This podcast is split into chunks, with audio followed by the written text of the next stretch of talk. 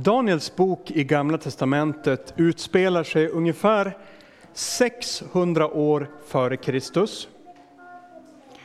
Då eh, hade babylonierna kommit till Judarike och de hade kommit tre gånger. Första gången så intog de riket men lät judarna få ha kvar en kung. Men kungen gjorde, försökte göra uppror efter ett tag och då kom babylonierna dit en andra gång och var ännu hårdare. Men lät dem ändå fortsätta att ha så att säga en slags egen lydkung. Men när även den kungen gjorde uppror, försökte slå sig lös från babylonierna, då kom Nebukadnessar dit med sin stora här och jämnade templet och Jerusalem med marken och förde en stor del av folket bort i fångenskap. Redan de två första gångerna så förde han bort en del människor, den sista gången väldigt många.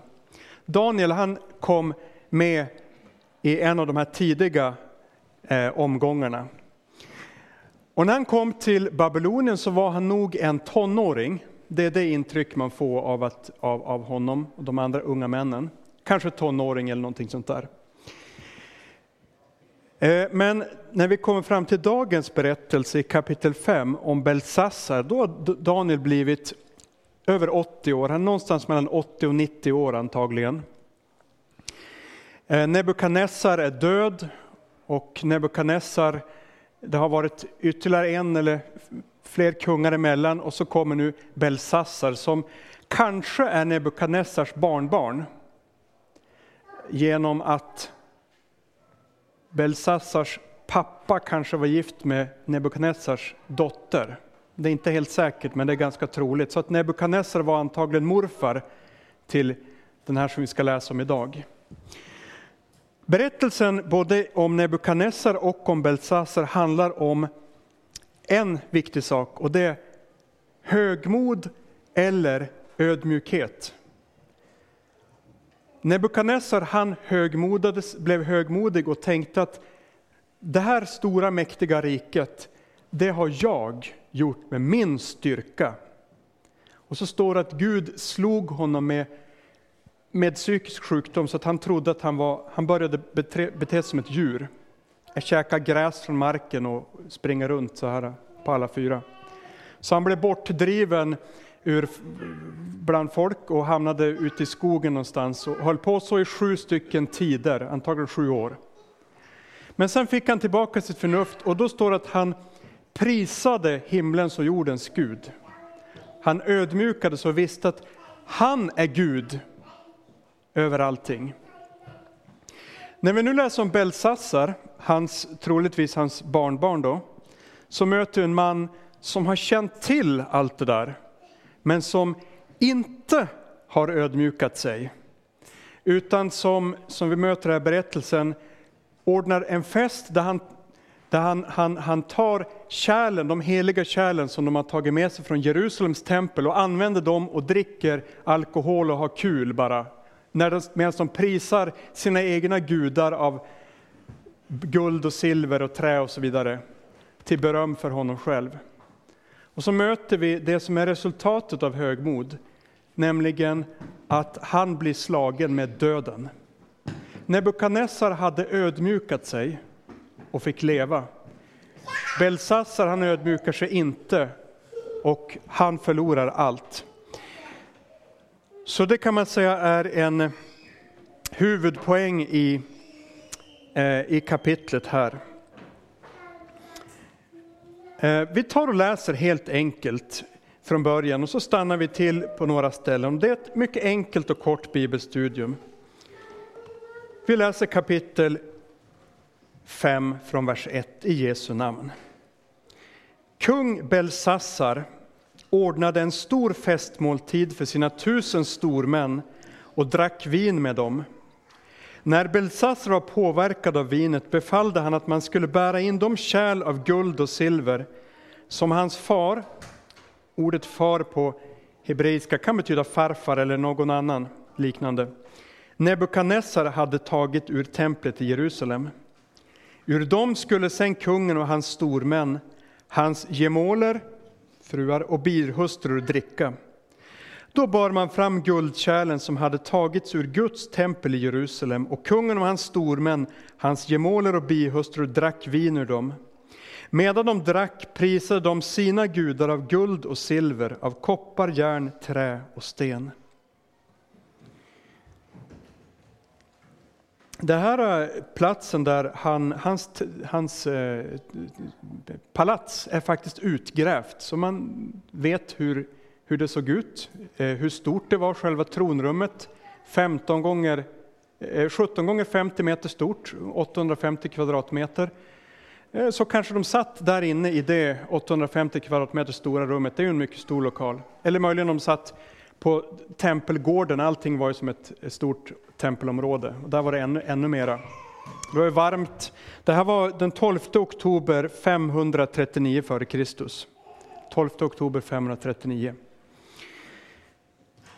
Och nu dricker de ur Guds tempelkärl. Vers 5.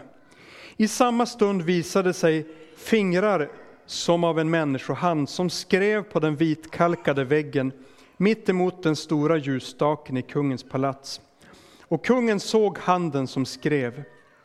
Då blev kungen blek och fylldes av oroliga tankar, så att han blev alldeles knäsvag och benen vek sig. Och kungen ropade med hög röst och befallde att man skulle hämta besvärjarna, kaldéerna och stjärntydarna. Kungen sa till de visa i Babel, den som kan läsa denna skrift och ge mig dess uttydning ska bli klädd i purpur och guldkedjan ska hängas om hans hals och han ska i makt vara den tredje i riket. Han blev förfärad. Vem skulle inte bli det om vi satt här inne och plötsligt ser vi en stor hand som skriver på väggen? Det är ju klart att det förskräckligt. Sen ska vi lägga märke till en intressant sak. Det står att den som kan tyda det här ska bli tredje i riket. Normalt blir man väl andra i riket, eller hur? Och jag läste en gång för länge sedan att eh, bibelkritiker pekade på, på det här som ja, ytterligare ett exempel på hur Bibeln har, konstig Bibeln är och liksom, man förstår så här och så vidare. Tills arkeologerna upptäckte att den här mannen hade faktiskt en far som fortfarande levde och som var den egentliga kungen. Men den egentliga kungen, han eh, hade haft militär eh, kampanj, på engelska säger man campaigns, militär, eh, vad kallar man det? Manövrer. Ja, och inte bara övningar, till och med att det var fälttåg i, i, i den delen av riket som är dagens Saudiarabien. Och plus att han antagligen hade gjort sig, eh, att, att folk i, hans rike inte riktigt gillade honom för att han, han, han ville att, att, en mångud skulle vara den högsta medan de flesta babylonier hade en annan gud som var den högsta guden. Så man tror att han hade gjort sig impopulär, så han stannade väldigt länge. Och så hade hans son då blivit den som fick så att säga regera. Men sonen var ju egentligen inte högst upp, utan han var tvåa. Så kungen där borta, eh, som hette Nabonidus, höll till i Arabien ungefär tio år. Han var egentligen etta och Belsassar var tvåa. Och när nu Belsassar ska ge en fin titel, den finaste titel som går att ge, då måste det bli tredje. Då. Så här ser vi igen hur, hur Bibeln visar sig sann när arkeologin liksom upptäcker och visar att oj, pusselbitarna faller på plats. Det var inte Bibeln det var fel på. Det var, den stämde helt rätt med historien. Han blir alldeles förskräckt i alla fall och lovar att, att den som kan tyda det här så ska få bli mäktigast i riket efter han, han själv, alltså tredje plats, för själv är han den andre. Vers 8 och framåt. Då kom kungens alla vise in, men de kunde varken läsa skriften eller tyda den för kungen. Kung Belsassar blev då ännu mer förskräckt, färgen vek bort från hans ansikte och hans stormän var bestörta, alltså livrädda. Men när kungens mor som kanske då var Nebukadnessars dotter, fick höra vad kungen och hans stormän hade gjort, begav hon sig till salen för festmåltiden. Ja, det var inomhus, säger jag här. Då tog hon till orda och sa, må konungen leva för evigt. Låt inte dina tankar förskräcka dig och låt inte färgen vika från ditt ansikte.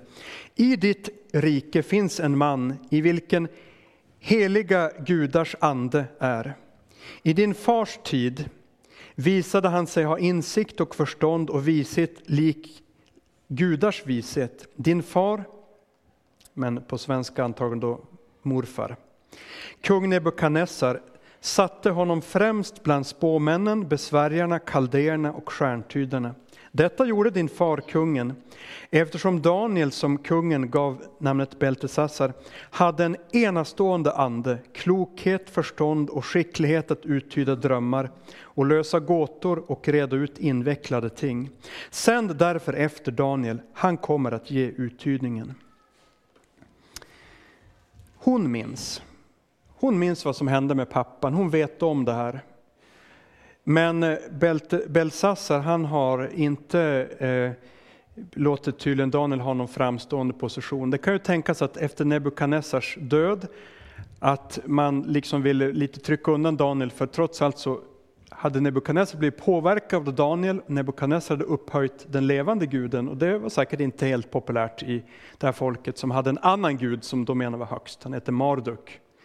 Så det kan ju gott tänkas att Daniel hade liksom blivit under många år lite satt åt sidan så att uppenbarligen var han ju inte den främste längre, eller inte den som Belsassar tycks ju inte ha, ha, ha kallat på honom.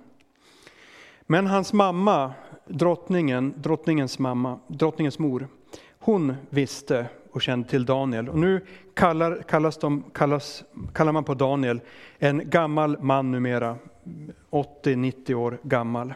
Vers 13. När Daniel hade förts till kungen sa denne, sa kungen, du är ju Daniel, en av de judiska fångarna som min far kungen förde hit från Juda. Jag har hört sägas om dig att gudars ande är i dig och att du har visat dig ha insikt och förstånd och utomordentlig vishet. Nu är det så att de vise och besvärjarna har fört hit till mig eh, för eh, nu är det så att de vise och besvärjarna har förts hit till mig för att läsa denna skrift och tyda den för mig, men de kan inte tyda den. Men om dig har jag hört att du kan ge uttydningar och reda ut invecklade ting. Om du kan läsa skriften och säga mig vad den betyder ska du bli klädd i purpur och guldkedjan ska hängas om din hals och du ska i makt vara den tredje i mitt rike. Då svarar Daniel kungen, och nu märker vi att Daniel han Vanligtvis så tordes man inte säga någonting till kungen. Alltså man, man var ju verkligen jätteförsiktig. Men Daniel är en gammal man nu och han talar med Guds andes kraft och här är ingen försiktighet. Han går rakt på kungen och, och säger sanningen som den är. Vers 17. Behåll dina gåvor och ge dina belöningar åt någon annan. Jag ska ändå läsa skriften för konungen och ge uttydningen. Åt din far Nebukadnessar, o konung, gav den högste guden rike och storhet, ära och härlighet. Och för den storhets skull som Gud hade gett honom darrade människor av alla folk, stammar och tungomål i skräck för honom.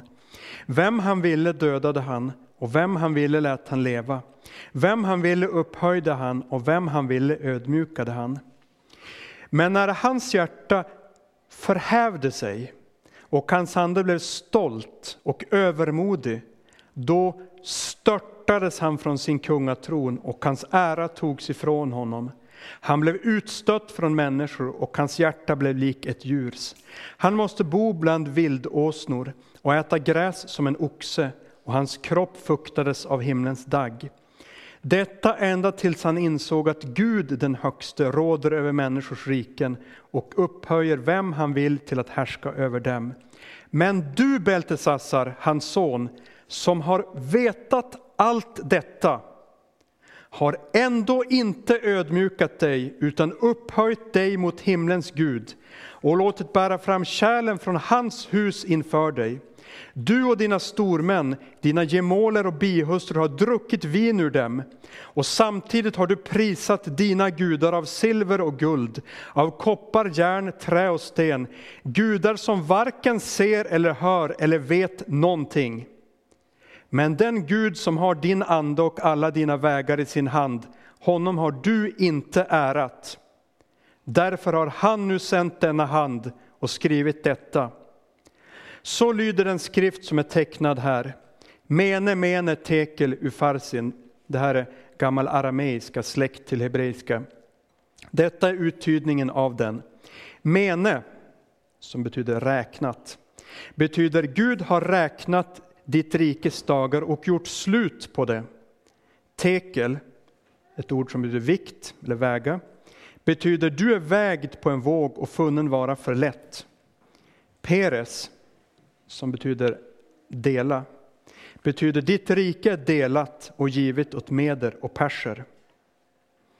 Så det står på väggen bara fyra ord och, och, det var inte så lätt att veta vad det betyder. På, på arameiska, det kunde väl inte kungen heller. Men det står liksom eh, räkna, väga, eh, dela.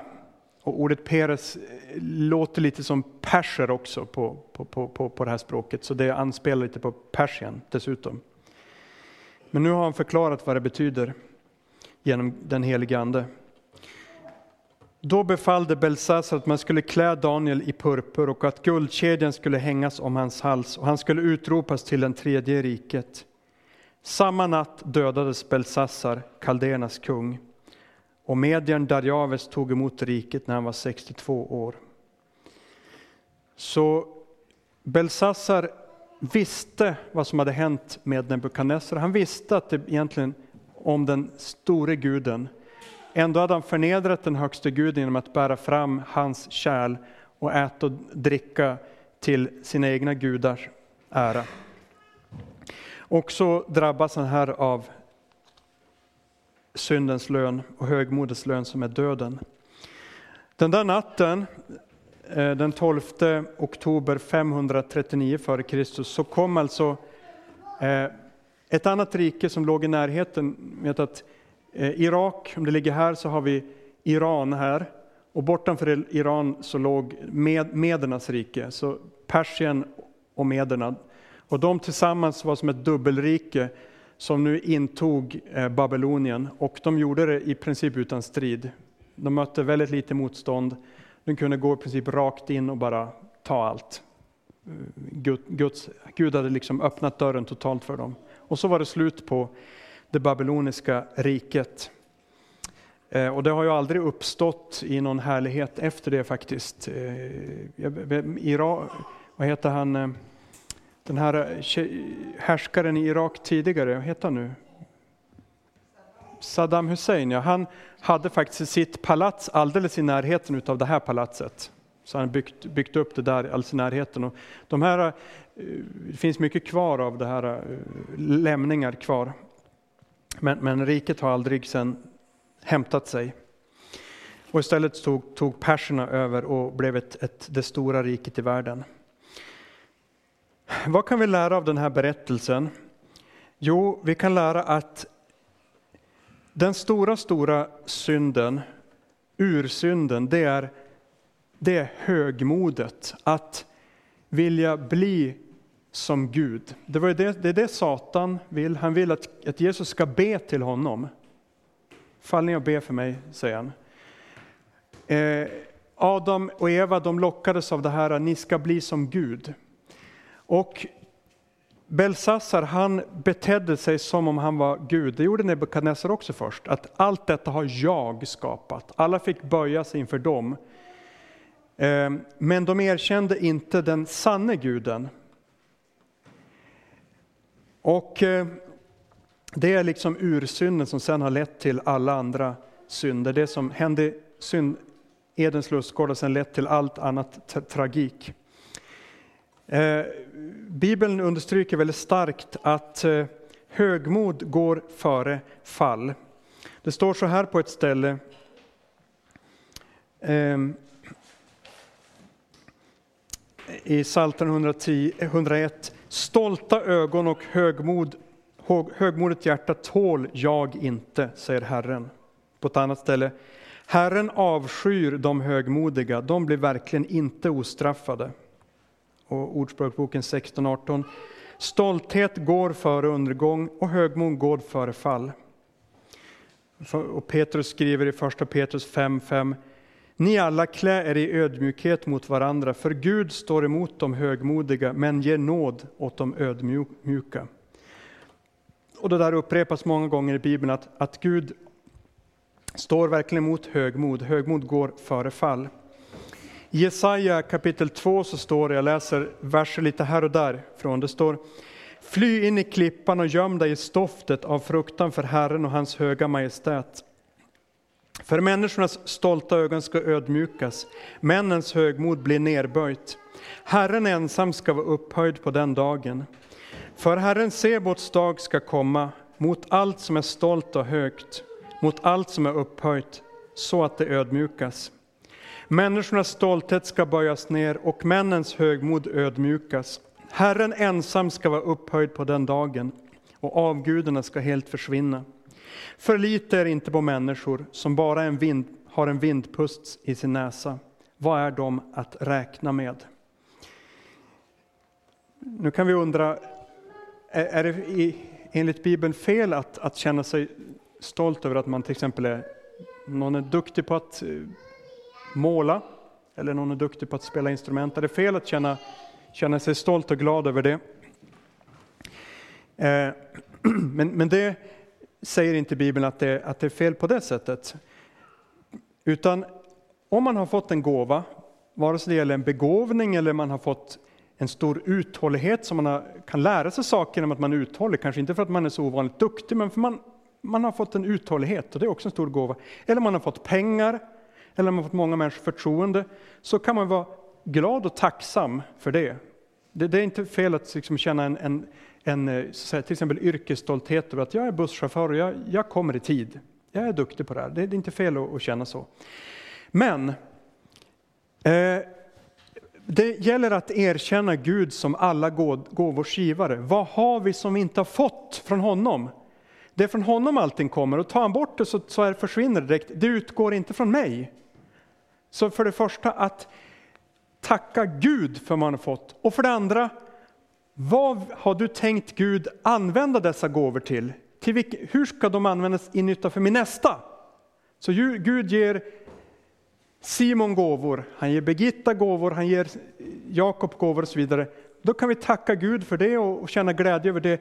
Och så får vi fråga, säga, tack Gud, du har gett det. Och hur har du tänkt att jag ska tjäna min nästa med dessa gåvor?